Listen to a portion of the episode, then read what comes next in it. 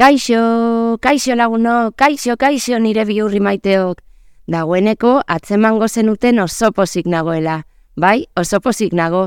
Izan ere asko maite dudan eta aspaldian ikusi ez dugun pertsona baten berri izan dut gaur goizean. La la la la la la la la la la. Badakizuen hori buruzari naizen, ezta? Hori da, Ales kapitainari buruzari naiz. Alesioren osaba. Momentu hau zuekin konpartitu nahi dut entzun. Kaixo lagun maiteok. Badira, hilabete asko nire osaba ales oporretara joan zela.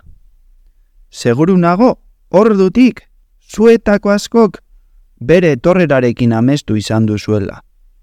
Badakit asko maite zenutela nire osaba ales.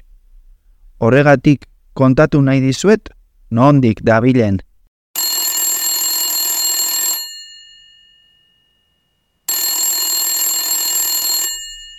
Gaur goizan deitu dit Italiatik.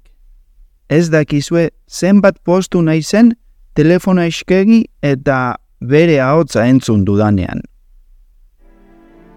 Caro Alessio, mi trovo a Roma, la città eterna. Passo tutto il giorno a mangiare pasta e pizza. Erroman dagoela eta egun osoa pizza jaten igarotzen duela horixe kontatu ditu zabak. Beno, hori bakarrik ez. Gauza gehiago ere kontatu dizkit noski. Museo pila bat bisitatu dituela, Erromako kafea munduko kaferik goxoena dela eta ha, ha, Italiara hauek txoratuak daudela ere kontatu dit. Ba, makarroiak tomaterik gabe jaten omen dituzte. ez dakit, egia izango den badakizue nolakoa den osabales. Ai.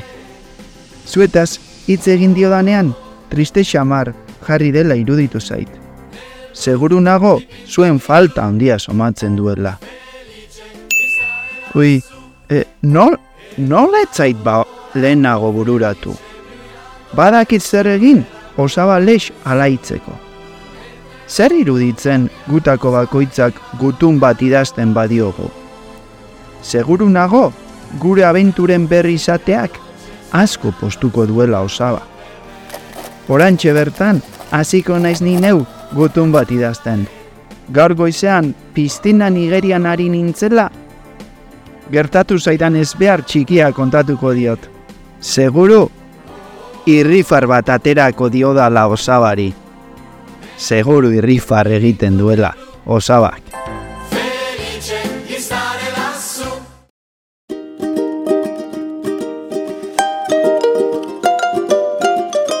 Erroman, gure ales maitea, erroman dago.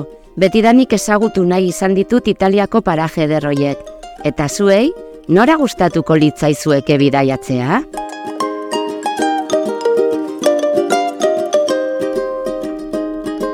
Entzun duzun podcast hau garoa liburu dendak egina da. Gogoratu paperezkoak ekimenean izena emateko paperezkoak.eus webgunean sartu behar zarela. paperezkoak.eus Urrengo liburu artean.